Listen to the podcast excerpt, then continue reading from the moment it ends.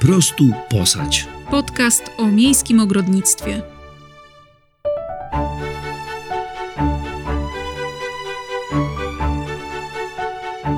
Cześć, jestem Joanna. Uwielbiam rośliny i sadzę je dosłownie wszędzie, nawet na dachu, a moja największa pasja to warzywnik. Cześć, jestem Darek. Ja odpowiadam za techniczne rozwiązania w naszym ogrodzie i wspieram Joannę w jego uprawie. Jestem jej tanią siłą roboczą, gdy sama nie daje rady. Zapraszamy na nasz podcast. Halo, halo, witamy w kolejnym odcinku podcastu Po prostu Posać. Po etapie planowania warzywnika, dziś wyruszamy w teren, by zająć się wdrożeniem tych planów w życie. Porozmawiamy o glebie i różnych sposobach na urządzenie warzywnika. Zdradzimy Wam, jakie rozwiązanie my lubimy najbardziej. No to co, zaczynamy. Mamy plan, mamy chęci, mamy teren, tylko jak zacząć to zakładanie warzywnika? Myślę, że najlepiej stworzyć sobie listę tych rzeczy, które są w ogóle w warzywniku do zrobienia. Takich oczywiście chodzi mi o to techniczne przygotowanie warzywnika i konsekwentnego jej realizowania krok po kroku. Może się to wydawać trochę przytłaczające na początku, ale naprawdę da się to zrobić, zapewniam. Takie pierwsze rzeczy, które powinniśmy zrobić, y, tworząc nowy warzywnik, to jest ustawienie tego, co tworzy jego taki jakby szkielet architektoniczny. Ogrodzenia, jeśli myślimy o jakimś tam, nie wiem, małym płotku czy żywopłotu, jeśli obsadzamy na przykład drzewkami owocowymi, które będą takie niskie ogrodzenie tworzyć, to również jakby robimy to na samym początku. Jeśli chcemy ustawić szklarnię, to to jest ten właśnie moment.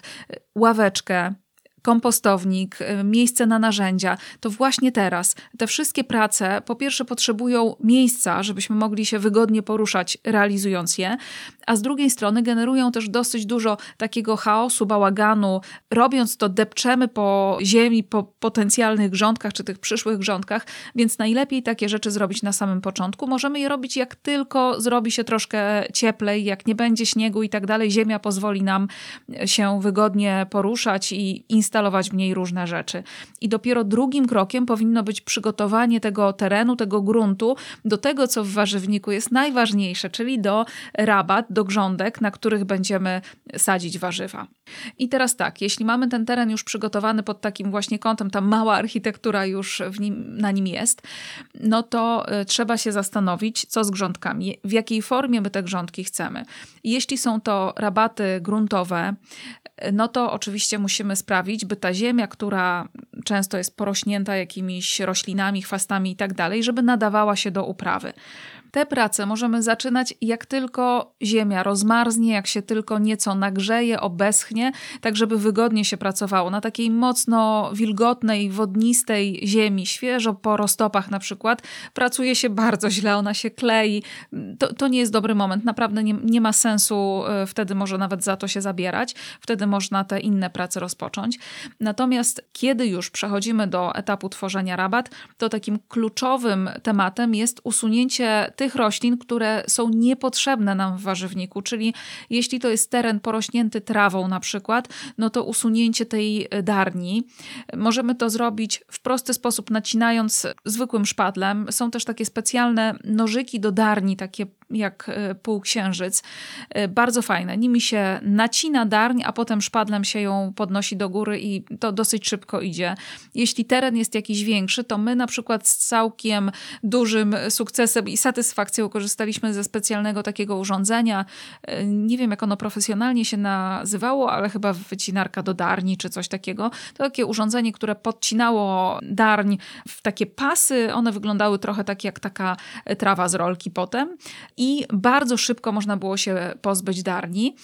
Naprawdę bardzo polecam. Takie urządzenia są w wypożyczalniach sprzętu budowlanego i ogrodniczego za jakieś niewielkie pieniądze, dosłownie za dzień.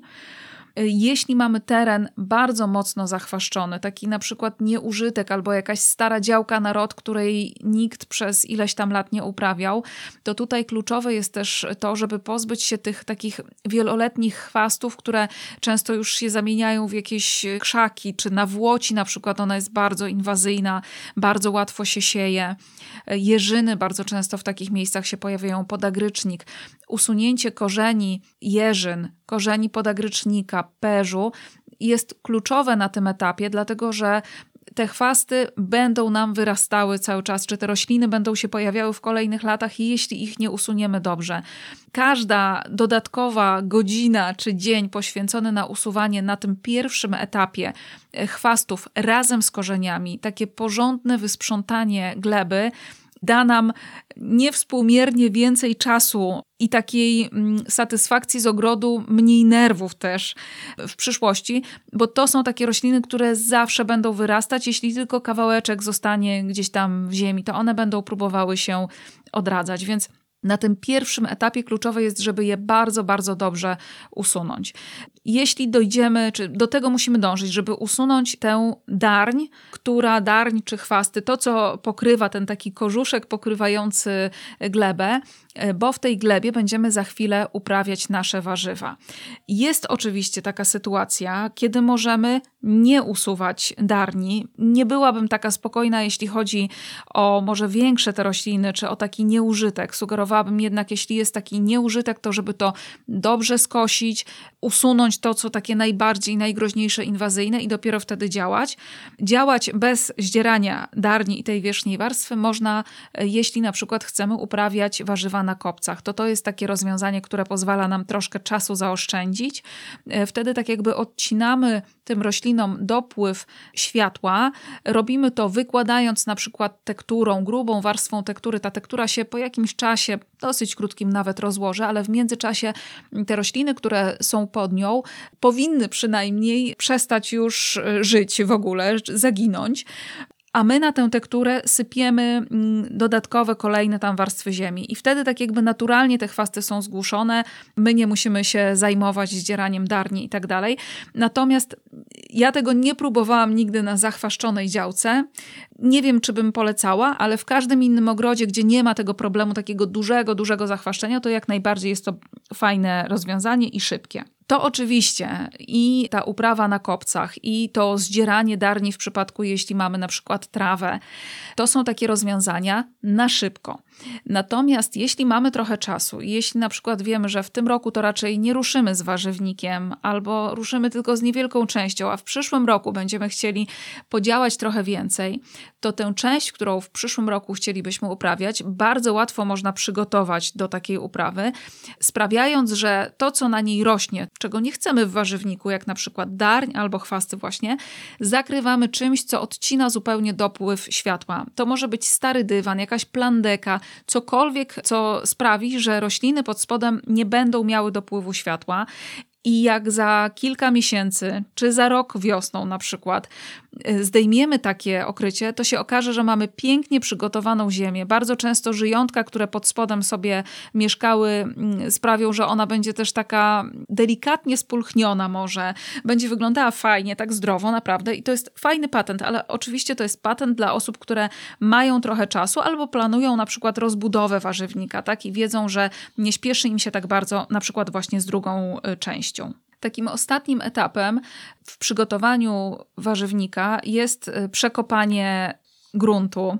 Y, wiem, że teraz bardzo modne jest nieprzekopywanie, czyli taka metoda no-dig. Natomiast jeśli zaczynamy z takim pierwszym naszym warzywnikiem, szczególnie na terenie, na którym właśnie coś rosło wcześniej, jakaś trawa, także nie było widać w ogóle tej gleby, to naprawdę warto to zrobić po to, żeby y, troszkę rozluźnić tę strukturę przez lata zbitą i warzywa, jeśli będą się miały przedzierać przez taką zbitą ziemię, udeptaną, uklepaną latami, ubitą deszczem i tak dalej, to będzie im trochę ciężko.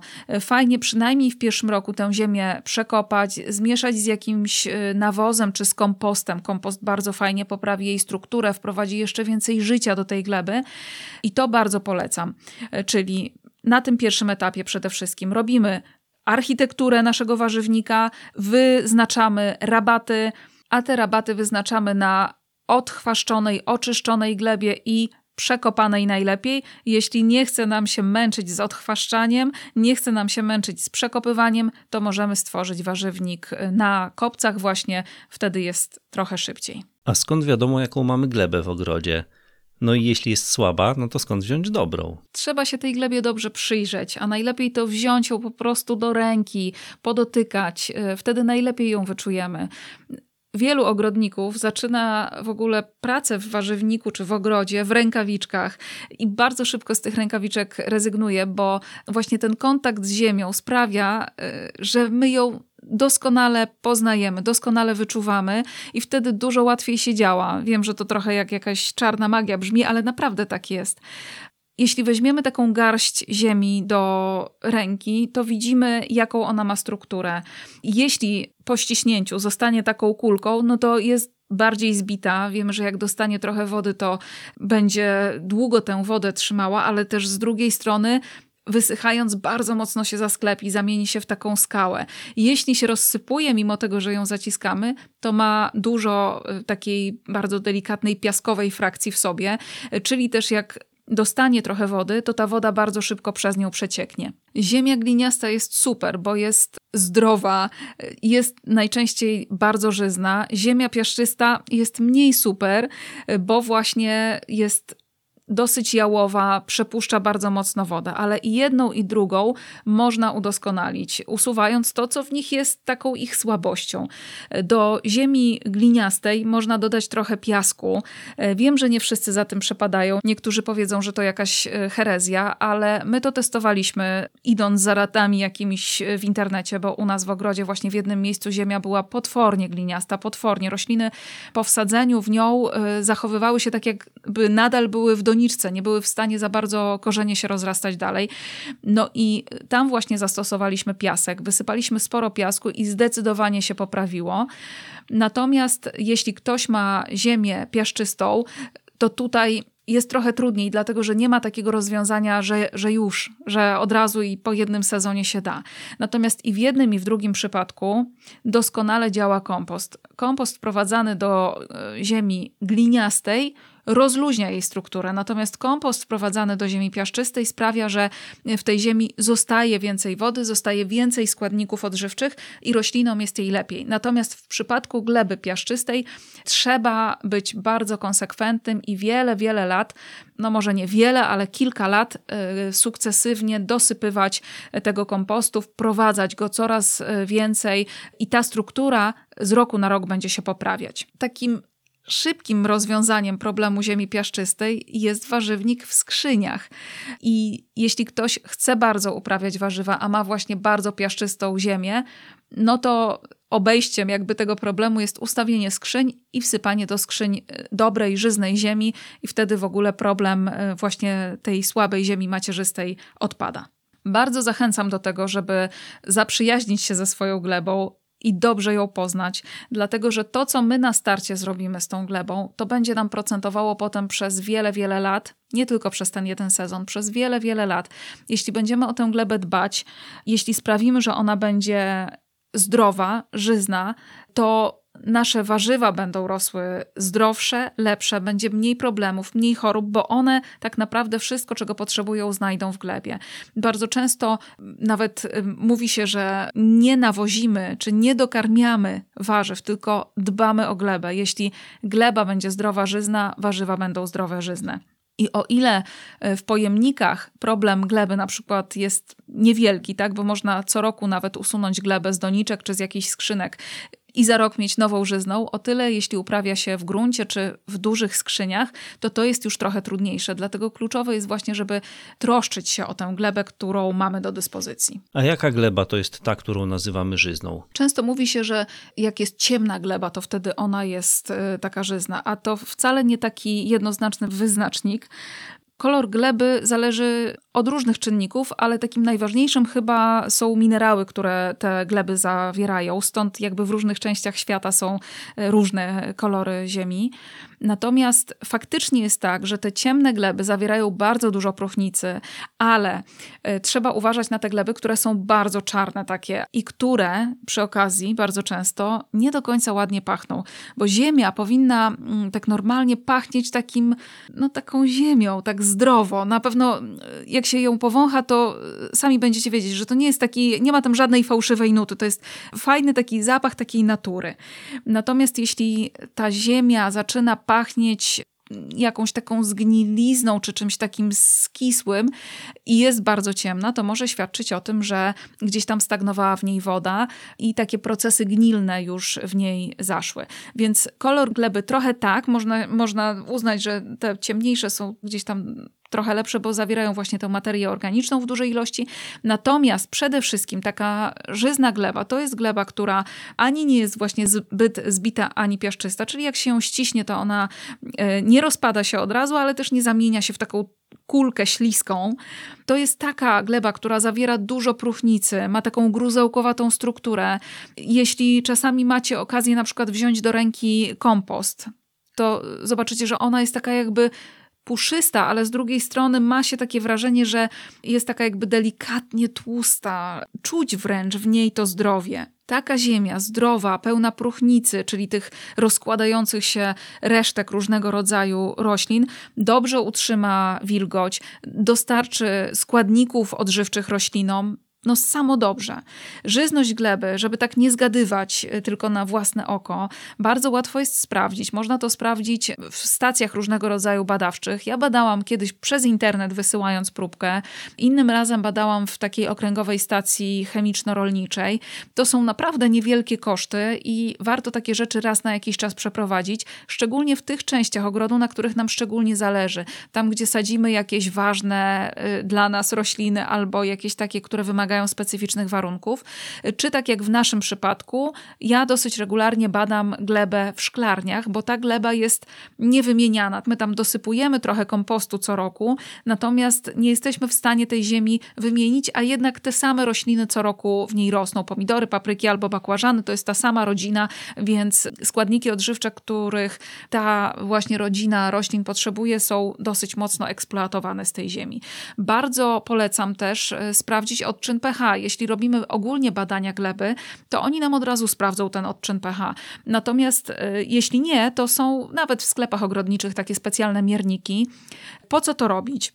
Dlatego, że to, co może nam się wydawać y, dosyć oczywistym, na przykład ja zakładałam, że oczywiście, że mamy jakąś tam nie wiem, no ani kwaśną, ani zasadową, w sam raz yy, glebę u nas w ogrodzie, ale co mi dało do myślenia, jak posadziliśmy hortensje ogrodowe i one nagle zaczęły kwitnąć na niebiesko, chociaż żadnych nawozów im nie dosypywałam. To jest taki znacznik, że ziemia, na której rosną, najprawdopodobniej jest trochę zakwaszona, a warzywa najbardziej lubią właśnie ziemię, glebę obojętną. Może poza pomidorami. Pomidory lubią trochę taką kwaśnawą, ale też, też bez przesady, tak? Więc warto, zanim zaczniemy siać, sadzić, sprawdzić przynajmniej odczyn tej gleby, po to, żeby ewentualnie ją odkwaszać i żeby sprawić, żeby nasze rośliny rosły lepiej, dlatego że mając glebę, w której im będzie źle, w przypadku warzyw, powiedzmy, jeśli ta ziemia będzie mocno kwaśna, to one będą miały problem z pobieraniem składników odżywczych.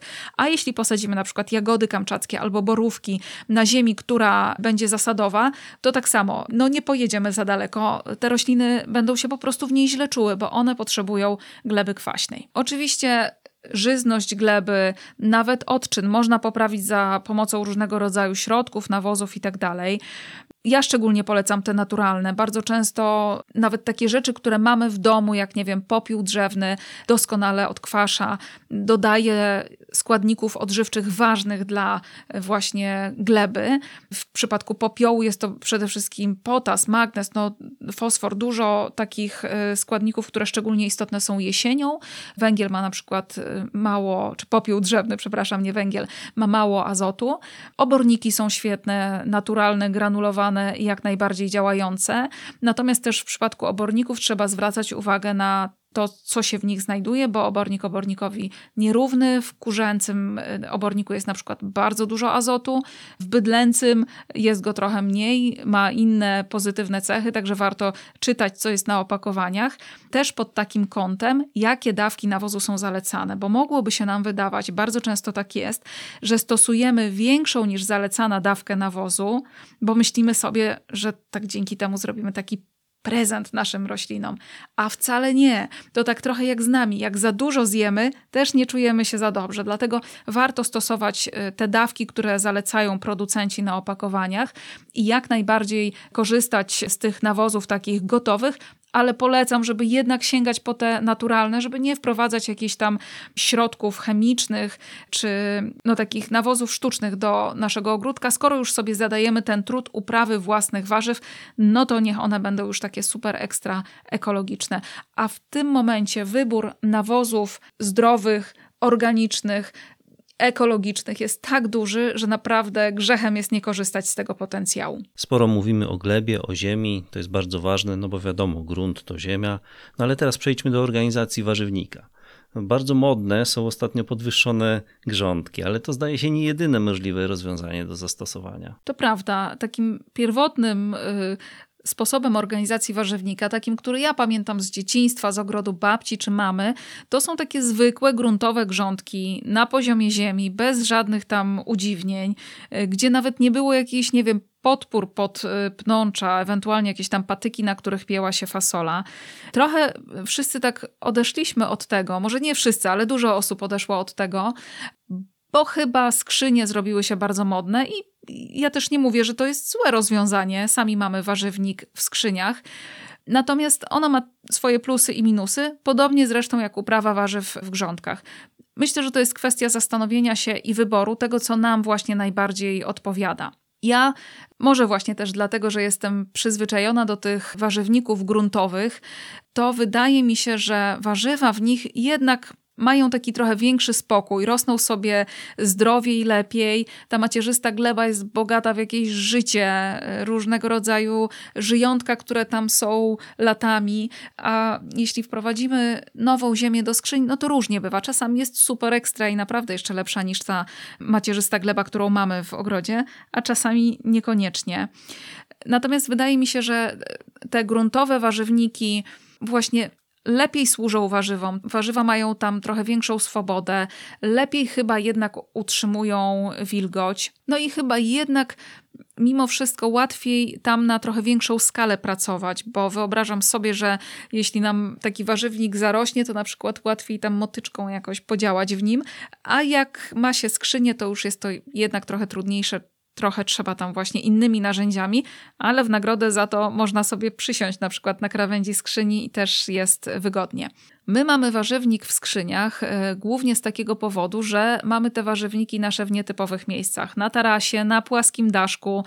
Pierwszy warzywnik, który na poziomie gruntu tworzyliśmy, miał być właśnie taki gruntowy. Okazało się, że pod spodem jest jakaś betonowa wylewka i albo nie będzie warzywnika, albo będzie warzywnik w skrzyniach. W drugim miejscu troszkę tak nam się spodobały te skrzynie, więc w drugim miejscu już zrobiliśmy też właśnie warzywnik w skrzyniach, ale jak w zeszłym sezonie kupiliśmy działkę na ogródkach działkowych, to miałam taki plan, żeby jednak stworzyć taki warzywnik gruntowy, po to właśnie, żeby na przykład dynie mogły sobie rosnąć swobodnie, arbuzy czy melony, bo na przykład to są takie warzywa, które potrzebują żyznej ziemi i nie bardzo lubią takie zmienne warunki, o które niestety w skrzyniach bardzo łatwo. W skrzyniach bardzo łatwo stracić te składniki odżywcze, wypłukując je na przykład i bardzo łatwo ziemia przesycha, więc dynie w skrzyniach nie do końca się udają, dynie w gruncie zawsze.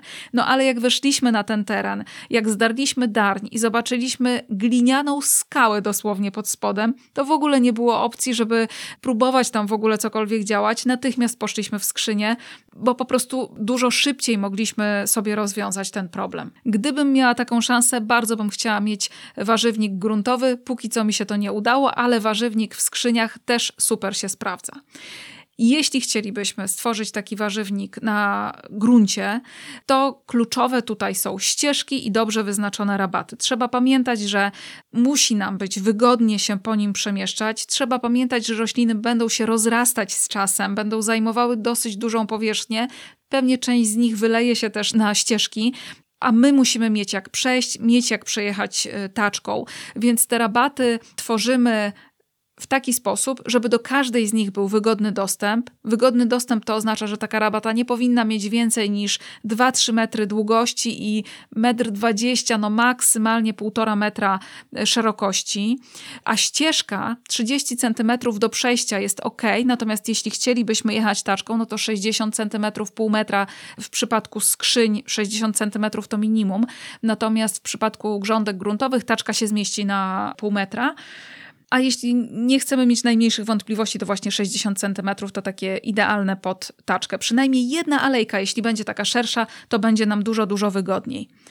Ja bardzo polecam, żeby te rabaty w warzywniku gruntowym wyznaczać jednak równo od sznurka, bo w takim gruntowym warzywniku wydaje mi się, że jednak dużo więcej chwastów rośnie. Tak jak porównuję na przykład ogródek moich rodziców i nasz w skrzyniach, moich rodziców w gruncie, to tam jednak cały czas z tej gleby jakieś tam chwasty się pojawiają. U nas tych chwastów jest bardzo mało. Być może to jest też kwestia gęstości sadzenia, ale dużo sygnałów też dostaję od innych osób, które uprawiają w skrzyniach, że jednak jest nieporównywalnie mniej chwastów. Może to też kwestia tego, że sypiemy trochę inną ziemię do e, skrzyń. Ale jeśli mamy już potem w pełni sezonu ten taki taki chaos roślin, chwastów i tak dalej, to niech chociaż te grządki będą równe, bo to sprawi, że tak jakby wizualnie ten warzywnik będzie przyjemniejszy. I jak sobie wyznaczymy te grządki, wyznaczymy sobie ścieżki, to tak naprawdę po pierwszym roku, kiedy przydałoby się przekopać ten grunt, żeby go spulchnić trochę, to już w kolejnych latach możemy sobie spokojnie nie przekopywać, spulchniać tylko te miejsca, gdzie będziemy sadzić warzywa i w taki sposób możemy działać. Oczywiście bardzo polecam ściółkowanie czy kompostem, czy słomą, czy skoszoną trawą, bo tak w skrzyniach jak w gruncie pomaga to super zatrzymywać wilgoć. Sporo ciepłych słów usłyszeliśmy dzisiaj na temat grządek zorganizowanych w gruncie, no ale skrzynie też mają wiele zalet. Mają, mają. Ja może trochę przesadziłam tak e, opowiadając głównie o ich e, złych stronach, ale Teraz może skupimy się bardziej na zaletach grządek, które są takie podwyższone, właśnie najczęściej na zasadzie skrzyń zorganizowane. Oczywiście te skrzynie mogą być wyższe i niższe. Zasadniczą ich zaletą jest to, że doskonale porządkują nam przestrzeń, wprowadzają taką estetykę do warzywnika.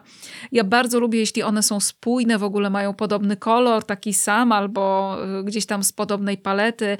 Jeśli dodatkowo są na przykład przestrzeń między nimi wysypana, czy jakimiś kamyczkami, y, czy na przykład zrębkami drewnianymi, to to fajnie tak naprawdę wprowadza taki fajny klimat do tego warzywnika. I na pewno jest tak, że opieka nad takimi grządkami w skrzyniach jest bardzo wygodna. Jeśli ma się odpowiednią wysokość tych skrzyń, 40, 50, 60 centymetrów, nawet jedne nasze skrzynie są, no to jest bardzo łatwo się nimi zajmować. Czasami trzeba się pochylić, ale nie trzeba 30 y, razy w ciągu tam, nie wiem, 15 minut kucać, co na pewno nasze kolana doceniają. Jest łatwy dostęp do wszystkich roślin na pewno jest to no, wygoda, estetyka i mniej chwastów, tak jak już mówiłam, mniej chwastów z jakiegoś powodu, także jak najbardziej warto. Tak jak już mówiliśmy o tych przejściach pomiędzy grządkami gruntowymi, to tak samo w przypadku skrzyń trzeba o nie zadbać, bo ze skrzyń też te warzywa rosnąc będą się wylewały. Pomiędzy skrzyniami trzeba móc wygodnie przejść, wygodnie postawić stopę, tak żeby się nie chwiać gdzieś tam, nie przewracać na te skrzynie, żeby móc przejechać taczką. I tutaj tak samo jak w przypadku takiego gruntowego warzywnika, wystarczy jedna szeroka e, ścieżka przez którą przejedziemy taczką czy jakimś wózkiem ogrodowym, a pomiędzy skrzyniami węższe przejścia, ale węższe to jest naprawdę mniej niż 30 centymetrów, to na pewno nie. Na pewno nie. A wielkość skrzyń jeśli będą za szerokie, bardzo mocno na to uczulam, jeśli będą za szerokie, to będzie nam ciężko dotrzeć do samego środka tej skrzyni i będziemy musieli na nią stawać. Wtedy trochę tak, no nie o to chodzi w skrzyniach, żeby tę ziemię ubijać własnymi nogami. Także 2-3 metry długości, metr 20, metr półtora to takie wymiary, które są jak najbardziej optymalne jeszcze. No i co jeszcze przygotowując taki warzywnik w skrzyniach, na co zwrócić uwagę, żeby teren wyłożyć najlepiej jakimś materiałem, który przepuszcza wodę oczywiście, ale troszkę zatrzyma wzrost chwastów. Teren pomiędzy skrzyniami, e, jeśli chcemy go ściółkować czymś innym, e, znaczy czymkolwiek, nie czymś innym, jeśli nie zostawiamy tam trawy, a polecam, żeby tej trawy tam nie zostawiać, tylko żeby jednak czymś wyściółkować, no to trzeba wyłożyć jednak jakimś materiałem, to może być jakaś włóknina y, ogrodowa, czy jakiś, nie wiem, wełna owcza w dużych połaciach. Wszystko to, takie maty, które zatrzymają nam chwasty, wszystko się sprawdzi. One mogą się z latami rozłożyć, ale jednak szczególnie w, tych, w tym pierwszym okresie fajnie było jakby zahamowały jednak trochę chwasty i sprawiły, że to, co wysypiemy jako ściółka, że nam trochę nie zmiesza się od razu z ziemią. Dlaczego nie polecam zostawiania trawy? Dlatego, że taką trawę bardzo trudno jest przy skrzyniach wykosić. Można oczywiście krawędzie skrzyni obłożyć jakimiś, nie wiem, kostką, czy, czy nie wiem, drewnem, czy czymkolwiek, tak żeby koło kosiarki najechało i wtedy super, ale jeśli nie planujemy tak zrobić, no to niestety ta trawa przy krawędziach będzie przerastała. Wygląda to słabo estetycznie, ale też no, na tej trawie jest wilgoć, tak więc też jeśli ona będzie dotykała cały czas na przykład drewnianej skrzyni, tak sobie. Skrzynia oczywiście nie musi być drewniana, może być z każdego materiału, jaki sobie tylko wymyślimy. W Wielkiej Brytanii, w Stanach Zjednoczonych bardzo popularne są metalowe skrzynie. U nas już się pojawiają, my mamy takie rozwiązanie nawet na naszej działce na ogródkach działkowych. Przy domu mamy skrzynię drewnianą z grubych, solidnych belek i to jest bardzo fajne. Troszkę gorzej może jest z takimi skrzyniami, które są skonstruowane z cienkich desek. Często kusi nas, żeby na przykład deski paletowe wykorzystać. Jak najbardziej można, tylko trzeba pamiętać, żeby albo je w jakiś sposób zabezpieczyć, żeby one jak najwięcej lat nam służyły, bo wyrzucenie ziemi z takiej dużej skrzyni, rozmontowanie jej, zmontowanie następnej i tak dalej, no nie jest aż takie łatwe. Wykonalne, ale nie jest aż takie łatwe, więc to na pewno trzeba mieć na uwadze że jeśli robić, to z jak najbardziej solidnych materiałów. Ja nie mam takiego zdania, że na przykład drewniane są lepsze albo metalowe są lepsze i jedne i drugie mają swoje zalety. Drewniane wymagają troszkę więcej pracy z montażem, z przygotowaniem.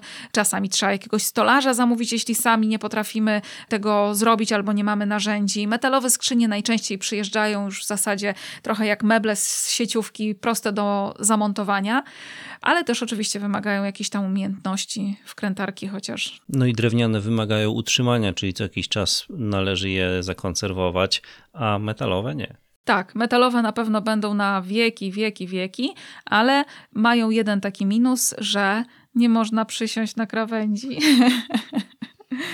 No właśnie, ale sprawdzają się bardzo fajnie. Są równie fajne tak użytkowo jak i skrzynie drewniane. Skrzynie drewniane na pewno warto od środka wyłożyć folią, tak żeby odizolować trochę, czy jakimś materiałem, który odizoluje wilgoć od ścianek. I wszystkie skrzynie warto od spodu wyłożyć siatką na y, szkodniki, takie gryzonie różnego rodzaju, żeby nam się jakiś tam krecik, y, czy, czy jakieś takie myszki, które lubią podgryzać korzonki roślin, żeby nam się nie dostały. Trzeba uważać na tą siatkę, oczywiście wybrać taką, która ma takie oczka, żeby nam nie przeszła jakaś tam właśnie myszka, nornica, czy, czy ktoś taki, ale żeby jednocześnie rośliny urosły. Natomiast to jest tak, jeśli mamy wystarczająco głębokie skrzynie, to taką siatkę robimy, a jeśli mamy skrzynię na wysokość jednej deski na przykład, no to nie robimy, jeśli chcemy tam sadzić marchewkę na przykład, bo ta marchewka przez to oczko nie przejdzie i zacznie się gdzieś tam skręcać i wypaczać. Ja bardzo polecam, zanim ustawimy te skrzynie, żeby zrobić taki roboczy projekt, jakiego e, rozstawienia my byśmy tam najbardziej oczekiwali w tym naszym warzywniku, rozrysować to na kartce. I druga taka rzecz z naszego doświadczenia, e, przy ustawianiu warto poświęcić jednak trochę więcej czasu niż my poświęciliśmy na wypoziomowanie terenu. My poziomowaliśmy na oko, przez co potem niestety te skrzynie musieliśmy bardzo mocno wkopywać. Nie jest to dla nich aż takie dobre. Fajnie by było jakby jednak jednak jakbyśmy od razu zrobili takie zagłębienie, wyrównali teren, no ale akurat tak wyszło, że tak nie zrobiliśmy, więc uczcie się na naszych błędach, stawiając e, skrzynię, wypoziomujcie dobrze teren, będzie potem mniej pracy. Co wsypujemy do takich skrzyń? Jeśli są wysokie, to nie ma sensu sypać tam samej ziemi, bo wydamy na to majątek. Warto tam wsypać takie rzeczy, które nie dość, że zapełnią nam tę przestrzeń, to jeszcze sprawią, że do gleby przedostaną się za jakiś czas dobre składniki, które odżywią nasze rośliny. W naszych skrzyniach e, znalazło się nad oczywiście siatką na te gryzonie, znalazła się, znalazły się grube gałęzie drzew owocowych. Takie akurat mieliśmy, rozłożyliśmy je na samym dnie. Na to sobie poszły różnego rodzaju odpadki roślinne, które akurat w ogrodzie mieliśmy. Jakieś tam cieńsze gałązki zielone z liśćmi, kompost nie do końca przerobiony, liście suche z drzew, które zbieraliśmy jesienią wcześniej, oczywiście bez chorób. E, warstwa obornika poszła, no i na koniec poszła żyzna e, ziemia. Jak widzicie, tych warstw jest trochę dużo, natomiast e, nasze skrzynie są też wysokie. One mają różne wysokości, ale tak od 40 do 60 cm, także to wszystko mogło się tam zmieścić. Jeśli macie skrzynię właśnie wielkości na przykład 20 czy 30 cm, taka obręcz w zasadzie z jednej deski, to zupełnie wystarczy, jeśli wsypiemy do takiej skrzyni samą ziemię. Trzeba pamiętać oczywiście, że ziemia w skrzyniach dużo szybciej się nagrzewa, dużo szybciej przesycha, także częściej trzeba do tych skrzyń zaglądać, sprawdzać, czy nie jest sucho. Natomiast skrzynie mają tę zaletę, że właśnie tak jak mówiliśmy na początku, nawet jeśli mamy bardzo piaszczystą ziemię, to mimo wszystko możemy uprawiać warzywa właśnie stawiając skrzynię. Niektórzy też uprawiają warzywa nieco ponad standardowym poziomem gruntu, ale bez y, obramowań, bez skrzyń. Tworzą takie, można powiedzieć, specjalne kopce. Tak, to rozwiązanie charakterystyczne szczególnie dla takich ogrodów, gdzie ten związek z naturą jest szczególnie istotny, dla ogrodów takich ekologicznych, naturalistycznych. Kopce, czasami nazywane kopcami permakulturowymi na przykład, y, mają różne kształty, czasami takich po prostu podłużnych e, wałów, czasami taki bardziej nerki, czasami wachlarze. Bardzo, bardzo różnie to wygląda.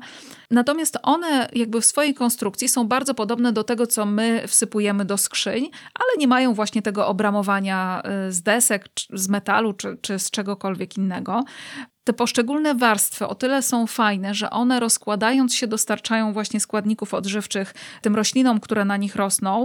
Natomiast te kopce, one tak jakby z roku na rok opadają. Zresztą podobnie dzieje się w naszych skrzyniach, że mimo, że teoretycznie nic z tą ziemią się nie dzieje, to co roku z 10 centymetrów jest, ten poziom jest niżej. Ona nie jest jakoś szczególnie zbita, ale gdzieś tam może jakieś żyjątka przerabiają materię organiczną, która jest e, wewnątrz i z tego powodu na przykład plus jakieś naturalne procesy erozji i tak dalej, tak, tak to sobie działa. Te kopce też trochę opadają. W pierwszym roku może jest z nimi najtrudniej, bo ten związek z macierzystą glebą jest najmniejszy, ale potem sobie bardzo fajnie działają. Ich dużą zaletą jest to, że powinny sobie radzić przy naszej minimalnej ingerencji i to zarówno jeśli chodzi o nawożenie i jeśli chodzi o podlewanie. Także jeśli ktoś miałby ochotę się troszkę bardziej wgryźć w kopce, to bardzo polecam, bo, bo jest to fajna metoda, na pewno bardzo bliska naturze. A uprawa balkonowa, czy może bardziej uprawa w doniczkach, też się sprawdzi, jeśli nie ma innego sposobu na ogródek? Oczywiście, że tak. To jest sposób na tych, którzy e, mówią, że nie mają gdzie uprawiać warzyw. Wszędzie da się uprawiać warzywa,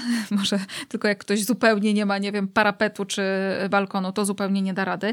Natomiast jak najbardziej na balkonie da się warzywa uprawiać i właśnie donice tutaj, czy jakieś skrzynki przychodzą nam z wielką pomocą. I jeśli tylko mamy balkon, na którym chociaż z 6 godzin słońca jest w ciągu dnia, to już jesteśmy uratowani, możemy uprawiać północnego balkonu może niekoniecznie bym polecała, bo to jednak będzie trochę męczarnia dla większości warzyw, chociaż można znaleźć takie, które sobie jakoś tam będą radzić.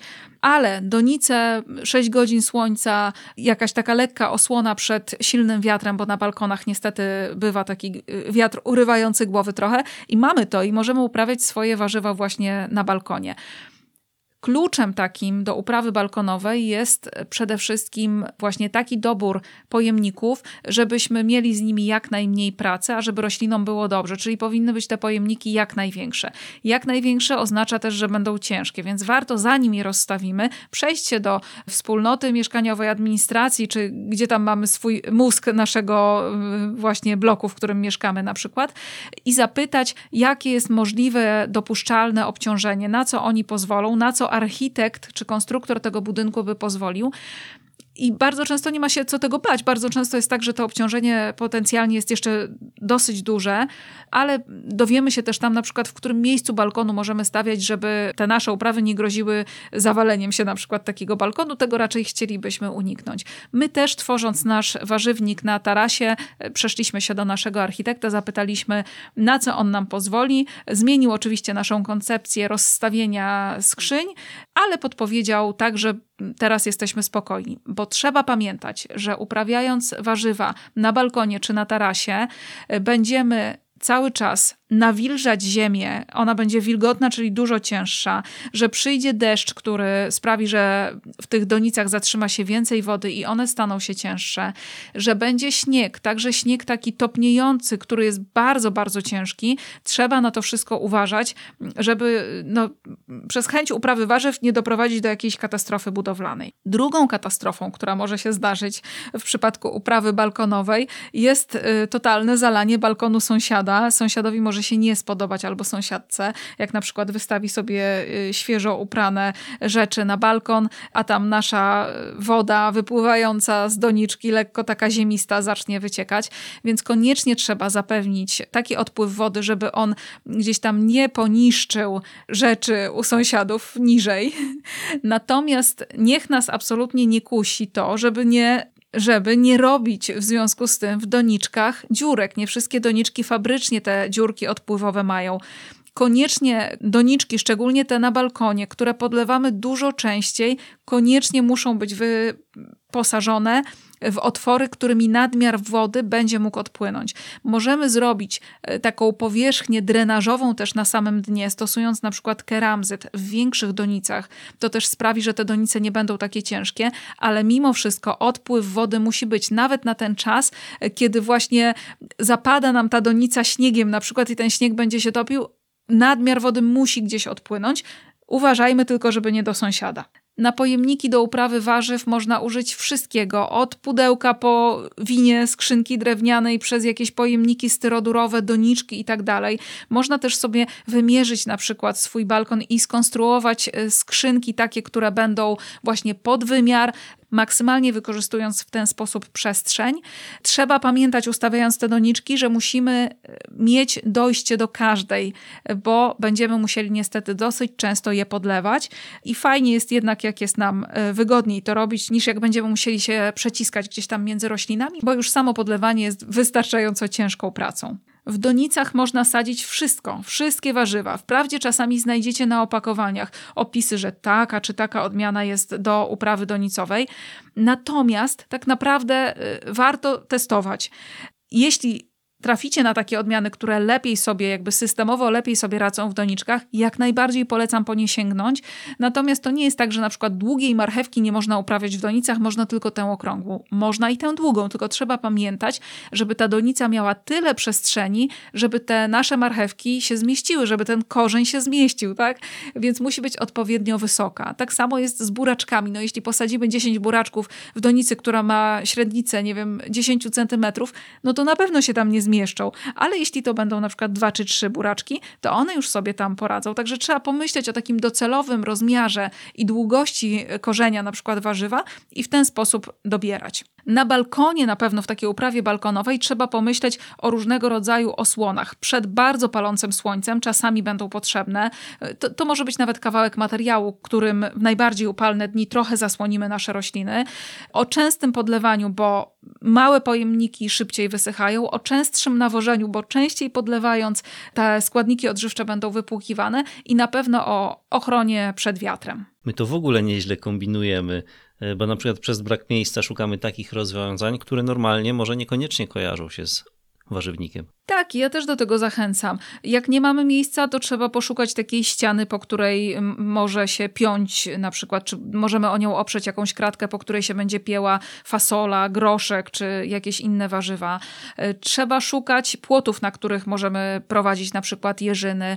E, trzeba szukać donic e, zwisających, które możemy pod jakimś drzewem na przykład podwiesić, byle tylko światło tam jakieś docierało i na przykład uprawiać w nich truskawki. Naprawdę takich niestandardowych rozwiązań jest sporo. Balkon to tylko taka namiastka, jakby. Wiele osób przy domach nawet takich miejskich, teraz podmiejskich, ma duże niewykorzystane tarasy, bo jak ktoś ma kawałek ogrodu, to rzadko wychodzi na taras i może właśnie tam jest fajna powierzchnia do wykorzystania na uprawę warzyw. Warto naprawdę się e, rozejrzeć. Sporo jest teraz takich rozwiązań, które pozwalają na uprawę w pionie, na przykład różnego rodzaju donic z takimi specjalnymi kieszeniami, które pozwalają nam powiesić kawałek właśnie takiego materiału, czy takiej właśnie pojemnika do uprawy na płaskiej ścianie i tam na przykład świetnie sobie poradzą zioła, które tolerują takie już skrajne nawet warunki. Także trzeba, trzeba kombinować na pewno. To co byś najbardziej polecała początkującym ogrodnikom? Uprawę w gruncie, a może skrzynię? Najbardziej bym polecała, jeśli tylko ktoś ma taką możliwość, żeby przetestować sobie różne rozwiązania. W pierwszym roku na przykład można spróbować uprawiać w gruncie, sprawdzić, czy w ogóle to warzywnikowanie nam się spodoba. Jeśli się spodoba, a chcemy na przykład wprowadzić więcej estetyki, to wtedy ruszyć ze skrzyniami, których też przygotowanie, stworzenie wymaga i trochę pracy, i jakichś tam nakładów, generuje jakieś tam koszty. A jeśli komuś bardzo zależy na estetyce, to można od razu zacząć ze skrzyniami. Donice są świetnym rozwiązaniem zawsze. Zawsze można, nawet nie mając warzywnika, uprawiać pomidorki na przykład, y, czy, czy inne warzywa, ale pomidorki są takie bardzo popularne właśnie w donicach. Ale nawet mając warzywnik, na przykład my mamy sporą powierzchnię upraw, cały czas bardzo dużo warzyw uprawiamy w donicach, bo one rozbijają trochę przestrzeń, dodają nam trochę miejsca. Wiele warzyw sobie doskonale radzi w donicach i aż szkoda z tego nie skorzystać. Także początkującym ogrodnikom polecałabym, żeby przetestowali tyle rozwiązań, ile tylko dadzą radę i wybrali to, z którym najfajniej się czują – a zawsze można spróbować uprawy w donicach, nawet jeśli nie ma się dużego ogrodu, a ma się na przykład tylko balkon. Dziękujemy, że byliście z nami i już dziś zapraszamy na kolejne odcinki naszego podcastu. Po bieżące informacje i porady zaglądajcie na nasz profil na Instagramie oraz bloga poprostuposać.pl. Premiery kolejnych odcinków podcastu w piątki o 18. Do usłyszenia.